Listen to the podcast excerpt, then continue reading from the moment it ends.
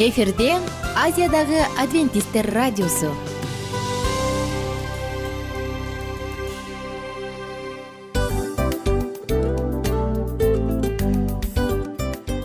Достор салют. Баардык сүйүктүү угармандарыбызга салам айтабыз. Кутман күнүңүздөр менен. Ден соолук өмүрдүн булагы демекчи саламат саамы программасында баарыңыздарды көргөнүбүзгө абдан кубанычтабыз. Анда алгач амандашып өтөлү арбаңыздар деп. Ден соолугуңуздар кандай элибизде көбүнчө ден соолук кандай дегенде эле жакшы деп жооп беребиз жооп ооруп турсак дагы жакшы дейбиз. Анан мен муну айтып ойлойт элем бул абдан сонун сөз депчи анткени бул жакшы деген үмүт да ооба баары жакшы болот. Баары сонун. Деп үмүттөнүп атып эле өзүбүздү өзүбүз дарылап коебуз.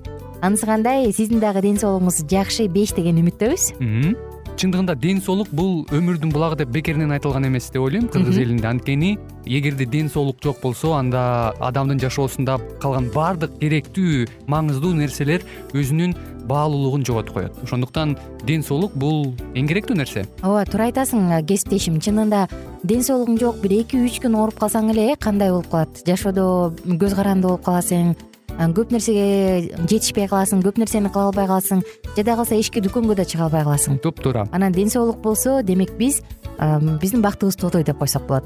Анда достор саламат саамы рубрикабызды баштайлы. Алдыда өзүңүзгө керектүү болгон сонун кеңештерди уга аласыздар. Мына ошондуктан биз менен бирге болуңуздар. Ал эми биз болсо милан жана айнура. Кеттик алга. Алга саламат саама ден соолуктун жарчысы. Саламат саама ден соолуктун ачкычы. Күн сайын сиз үчүн мыкты кеңештер сонун жаңылыктар кызыктуу фактылар биздин рубрикада.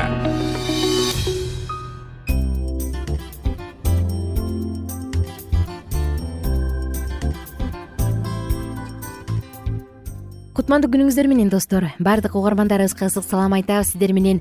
Адамдын кругозорун кеңейтип бизди доктур дагы кылып жиберген бизди жакшы эне камкор ата кыла турган жана негизи эле саламаттыгыбызга кам көрөгө үйрөтө турган сонун рубрикабыз башталды. Бул саламат саамы рубрикасы.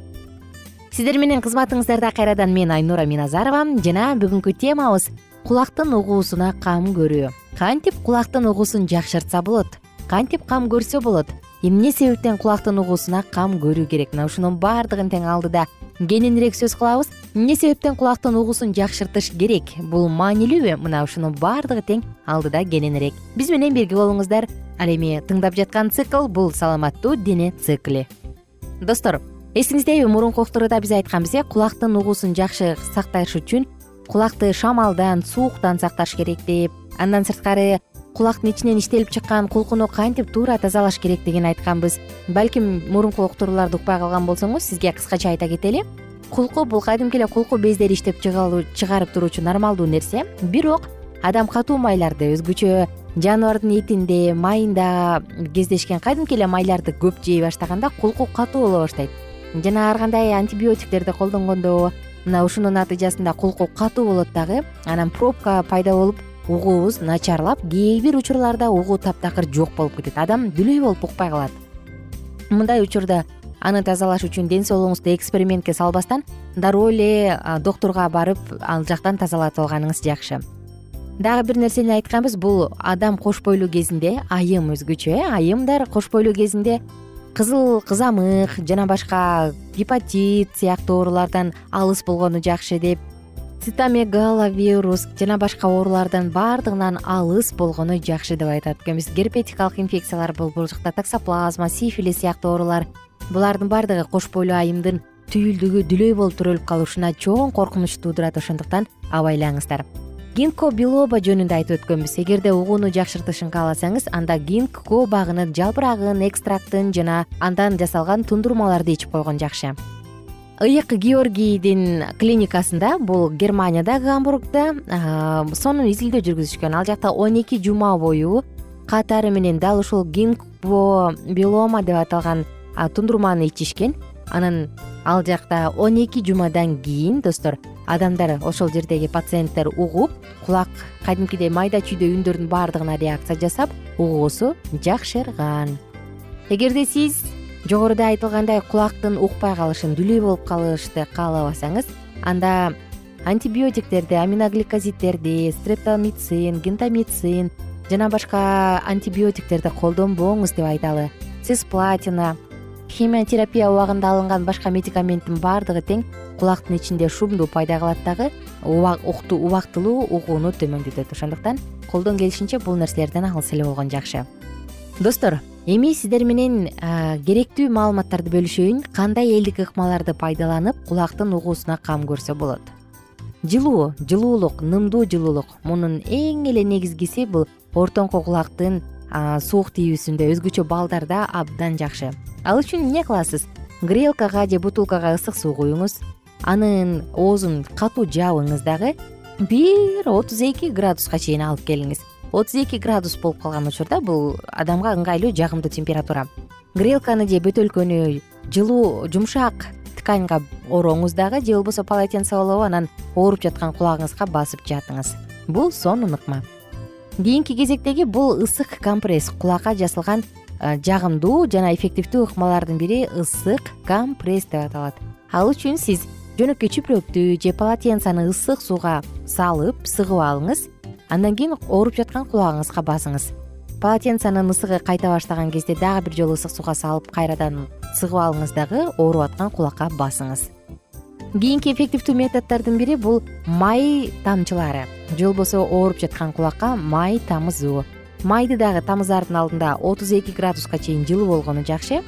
Бул атитте ортоңку кулактын оорусунда жакшы бирок достор эгерде тарсылдак жактан ириң чыгып атса май тамыза көрбөңүз анда кыйынчылыктар жаралып калышы мүмкүн. Мына достор бала чакта апам эсимде башым ооруп атат кулагым ооруп атат дегенде талканды көмөч казанга кууруп кууруп ысытып туруп анан кийин чүпрөктөн тигилген мишөккө салып туруп анан кулагыма басып койчу эле да. Анан мындай өйдөдөн ээктен өйдө карай жоолугун байлап койчу бир аздан кийин жакшы болуп кетчү. Көрсө апалар окубастан билбестен эле көп ыкмаларды жашоо үйрөтүп койгондуктан абдан тажрыйбалуу болуп калышат экен да. Апаларыбыз бар болсун биздин ден соолугубузга кам көргөн. Эми ар бир адам өзүнүн ден соолугуна кам көрчү учур келет экен бир учурда. Бир учурда кимдир бирөө ата кимдир бирөө эне болот экен дагы өздөрүнүн кичинекей жөжөлөрүнүн ден соолугуна кам көрүп башташат. Мына баарыңыздарга кааларыбыз сиз дагы оорубаңыз сыктабаңыз дайым ден соолугуңуз беш болсун. Угуу адамдын кулагы эң эле маанилүү достор. Бул жаратуучу кудай берген мыкты чоң белектердин бири. Ошондуктан угууну колдон келишинче сактаган жакшы угууга колдон келишинче жакшы мамиле жасаган жакшы. Кээде энелерин карап туруп жүрөгүң ооруп кетет э? Түшүнбөстөн эле бала бир аз мурдунан суу агып калса баланын элдик ыкмалар менен бул кадимки эле ыкмаларды колдонбостон дароо дарыкананы көздөй жүгүрөт дагы. Ага ар кандай антибиотиктерди алып келип оозуна сала берет тыга берет бала болсо ого бетер ооруй берет. Антибиотиктин жаман жагы ал ден соолуктун иммунитетин төмөндөтөт. Ошондуктан достор андай ыкмаларды колдоноордон мурун балаңыздын ден соолугун бир сыйра ойлонуп коюңуз дагы эң жакшысын тандаганга аракет кылыңыздар. Кулактын угушун кааласаңыз өзгөчө жаштарга айта кетели. Кулагыңыздын көпкө угушун угуп сизге жакшы кызмат кылып беришин кааласаңыз кулак таккычтан алыс болуңуз. Наушниктерди азыраак колдонуңуз. Наушникти тагынып жаныңыздагы адамга сиздин эмне угуп баратканыңыз угулуп турса бул туура эмес.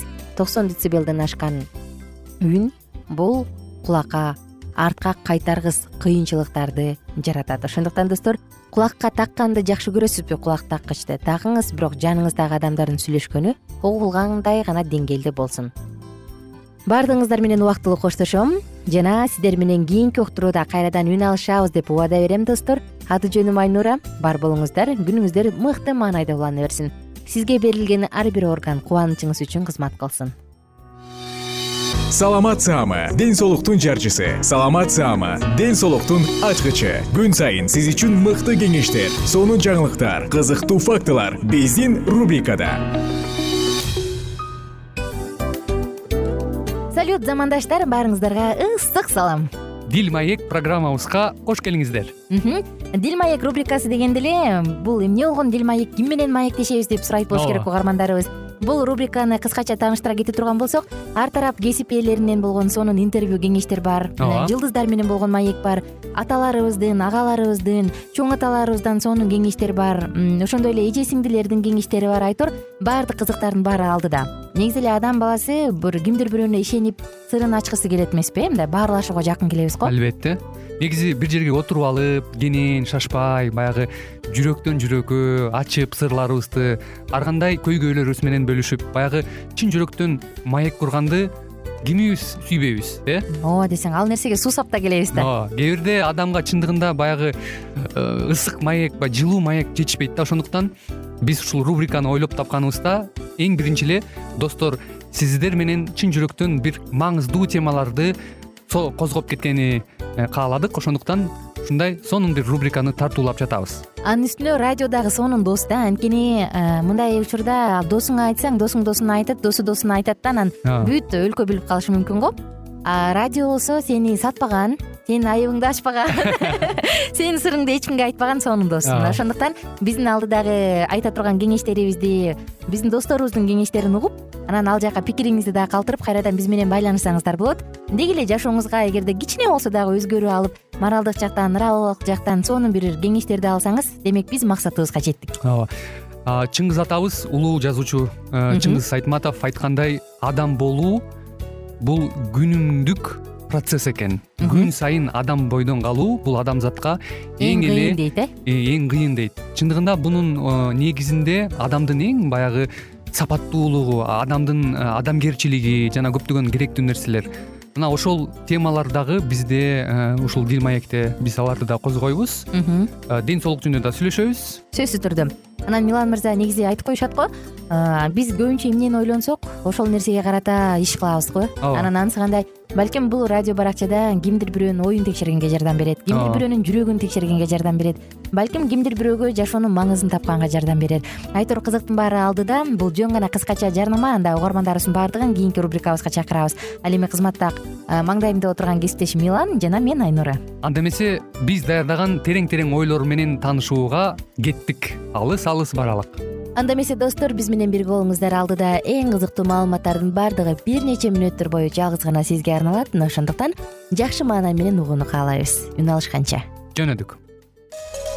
Ар түрдүү ардактуу кесип ээлеринен алтын сөздөр жүрөк ачышкан сыр чачышкан сонун маек дил маек рубрикасында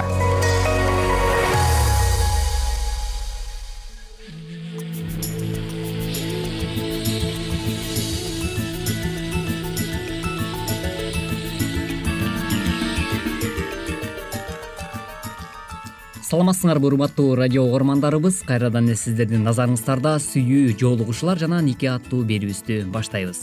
Бүгүнкү программабыздын темасын сиздердин эсиңиздерге салып өтөлү чыныгы сүйүүнү кантип айырмалап билүүгө болот дал ушул жаатта? Бүгүнкү программабызда дагы дал ушул жаатта улантабыз. Андыктан биздин ободон алыстабай биз менен биргеликте болуңуздар. Ошондой эле кызматыңыздарда мен улан жана ошондой эле кесиптешим. Саламатсыңарбы мен асель бүгүнкү уктуруубузда дагы бир нече факторлор менен бөлүшүп өтмөкчүбүз биринчи факторго токтолуп өтсөк айрылуулар силердин жашооңорго кандай таасирин берет? Бул туурасында дагы айтып өтөлү. Аралык сезимдеринин сыналышына жардам берет. Эгер сен кимдир бирөөгө жөн эле кызыгып калсаң сенин сезимдериң убакыт менен аралыкка туруштук бере албайт. Бири биринин сырткы сулуулугуна кызыккан жаштар үчүн себептен улам ажырашып кетишет.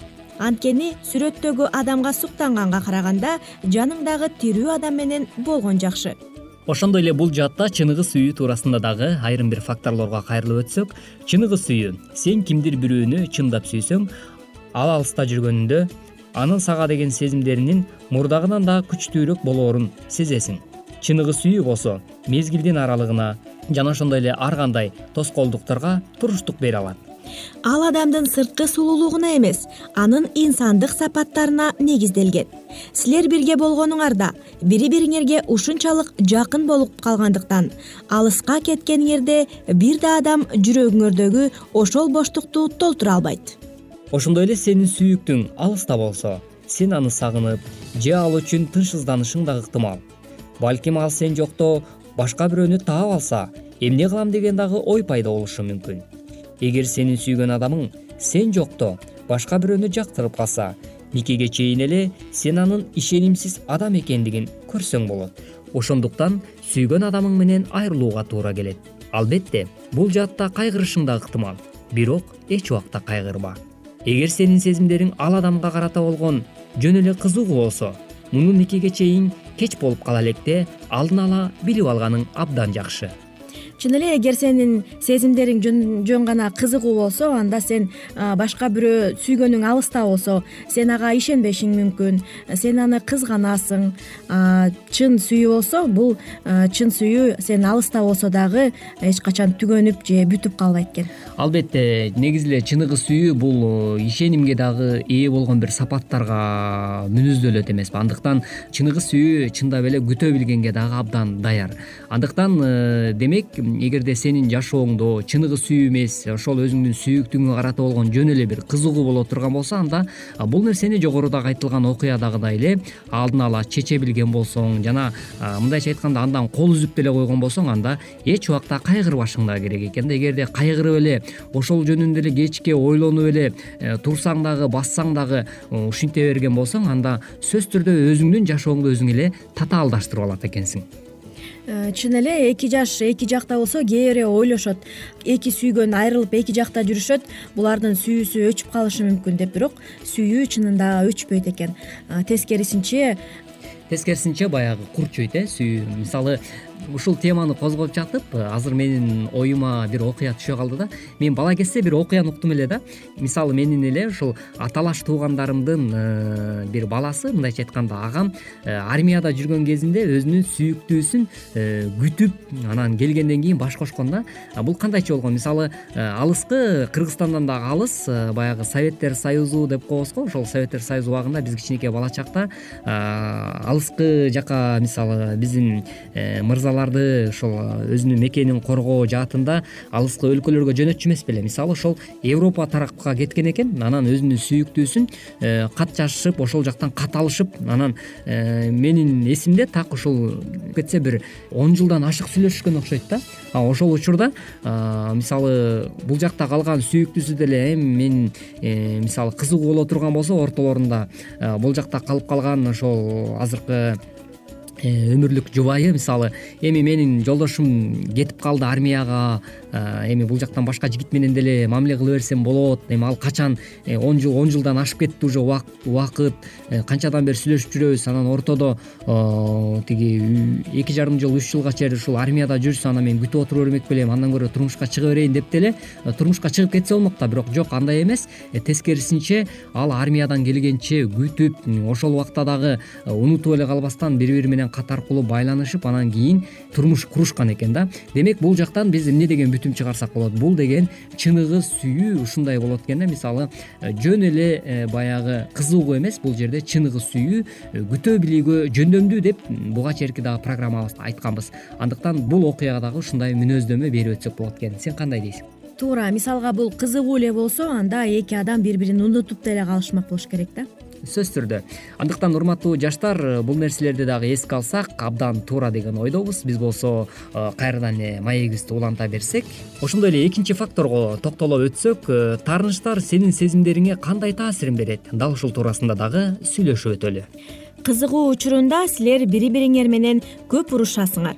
Кайра элдешкениңер менен кайра эле урушуп кетесиңер. Алыс болсоңор бири бириңерди сагынып жакын болгондо бири бириңерге чыдай албайсыңар замир менен гүлнара эки жылдан бери кыз жигит болуп сүйлөшүп жүрүшөт. Таанышкандан бери экөөнүн урушпаган күнү болгон эмес. Алар бат эле бири бирине таарынып калышат. Бири бирин кызганып жаткандай болуп көрүнгүлөрү келет. Бүттү мен экинчи аны менен сүйлөшпөйм дегенин угуп гүлнара анын эң жакын досу. Гүлнара сен баары бир аны менен сүйлөшөсүң анткени ага замир мындан ары биз жолугушпай эле койгонубуз жакшы деп айтууга сенин чечкиндүүлүгүң жетпейт. Силер бири бириңерден тажап деле бүтсөңөр керек. Ошондуктан калп эле кызганымыш болуп эптеп өзүңөрдү алаксытыш үчүн уруша бересиңер деп досуна чындыкты бетке айткан экен. Ошондой эле чыныгы сүйүү. Бирөөнү чындап сүйсөң деле э, кээ бир учурда урушуп кетишиңер дагы мүмкүн экен да. Бири бириңер менен урушуп кеткениңер үчүн кайгырып мындан кийин э, урушпаганга аракет кыласыңар. Адатта ар бир кыз жигит эле уруштарды чечүүнүн жолдорун үйрөнүшү дагы керек болуп саналат экен. Андыктан бул жаатта дагы сөзсүз түрдө өзүнүн э, баягы жолдорун тапсаңар болот экен. Сүйүү жолугушуулар жана нике аттуу берүүбүзгө назар салганыңыздар үчүн ыраазычылык билгизебиз. Кийинки берүүдө кайрадан биз сиздер менен дал ушул аба толкундан үн алышканча сак саламатта болуңуздар ар түрдүү ардактуу кесип ээлеринен. Алтын сөздөр жүрөк ачышкан сыр чачышкан сонун маек. Дил маек рубрикасында.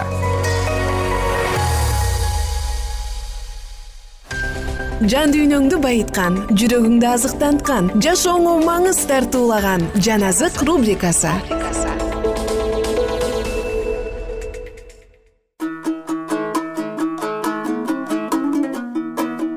Арыбаңыздар кыргыз элим ак калпактуу ала тоону мекендеген жалпы элибизге салам айтабыз.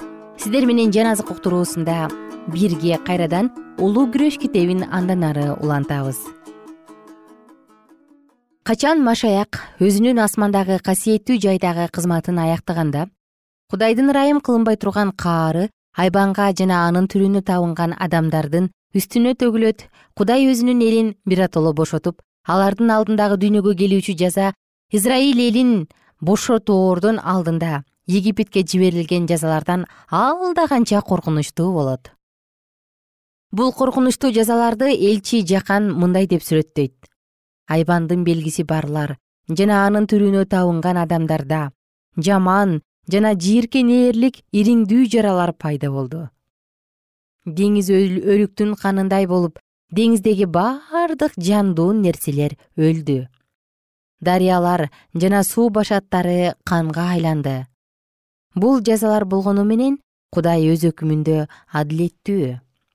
Кудайдын периштеси мындай деп айтты. Алар касиеттүүлөрдүн жана пайгамбарлардын канын төккөнү үчүн сен аларга ичүүгө кан бердиң. Алар ошого татыктуу. Ооба кудуреттүү кудай теңир сенин чечимдериң чын жана адил. Аян китеби он алтынчы бап экинчи жетинчи аяттар. Кудайдын элин өлүмгө ыйгаруу менен алар ал канга айыптуу болуп калышты. Ушундайча ыйса машаяк дагы өз кезегинде иудейлерди айыптаган жана алардын авелдин канынан тартып бардык ыйыктардын канына айыптуу болгон рухтун жетегинде болуп жатышкандыгын билдирген. Алар дагы пайгамбарларды өлтүргүчүлөрдөй иш аракет жасашкан.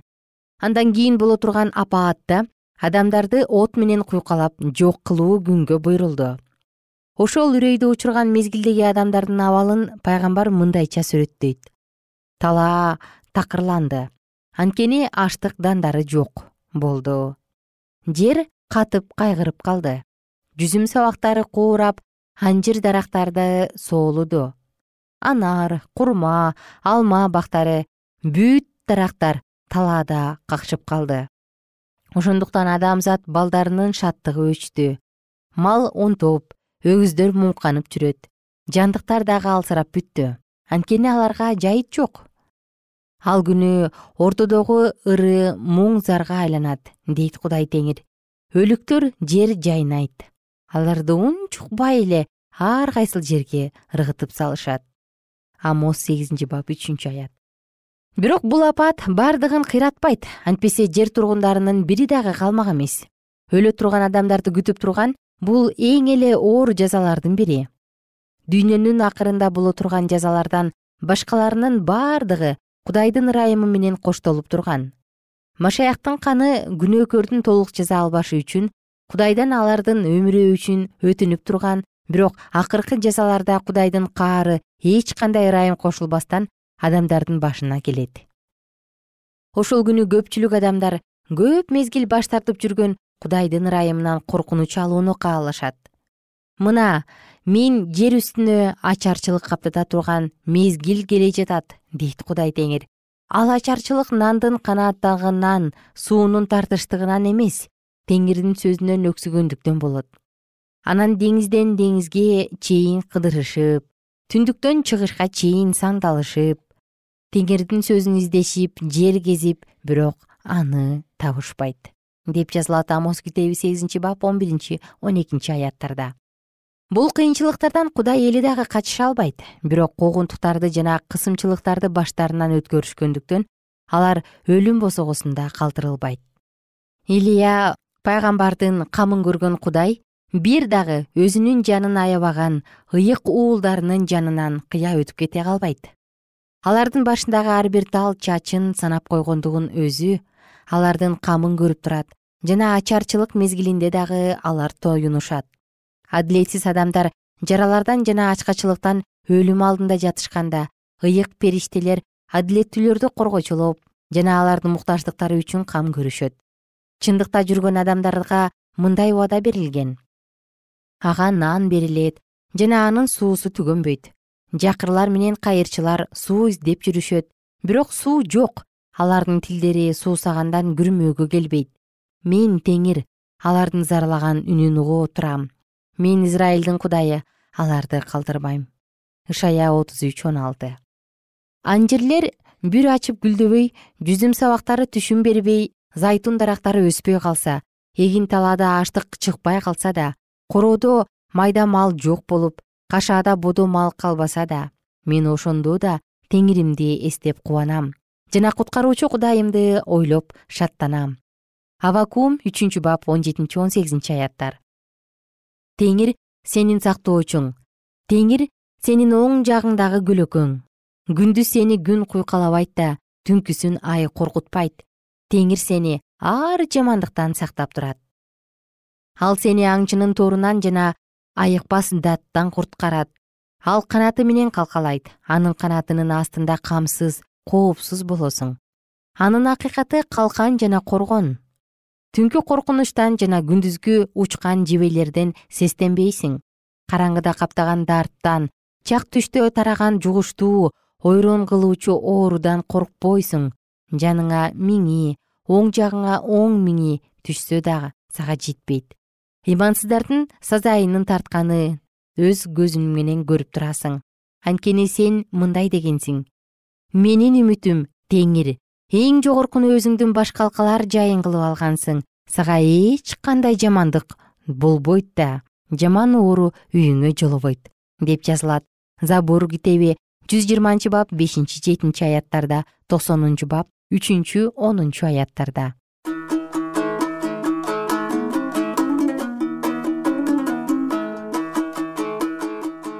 замандаш чындыгында эгерде теңир коргосо анда сага эч ким каршы туруштук бере албайт. Эгерде сени теңир коргобосо кудай коргобосо кандай гана коргонбо бирок балекет баары бир басат. Ошондуктан кааларым ар бир биздин сүйүктүү угарманыбызды теңир өз калканычы менен коргосун. Күнүңүздөр көңүлдүү улансын амандашканча бар болуңуздар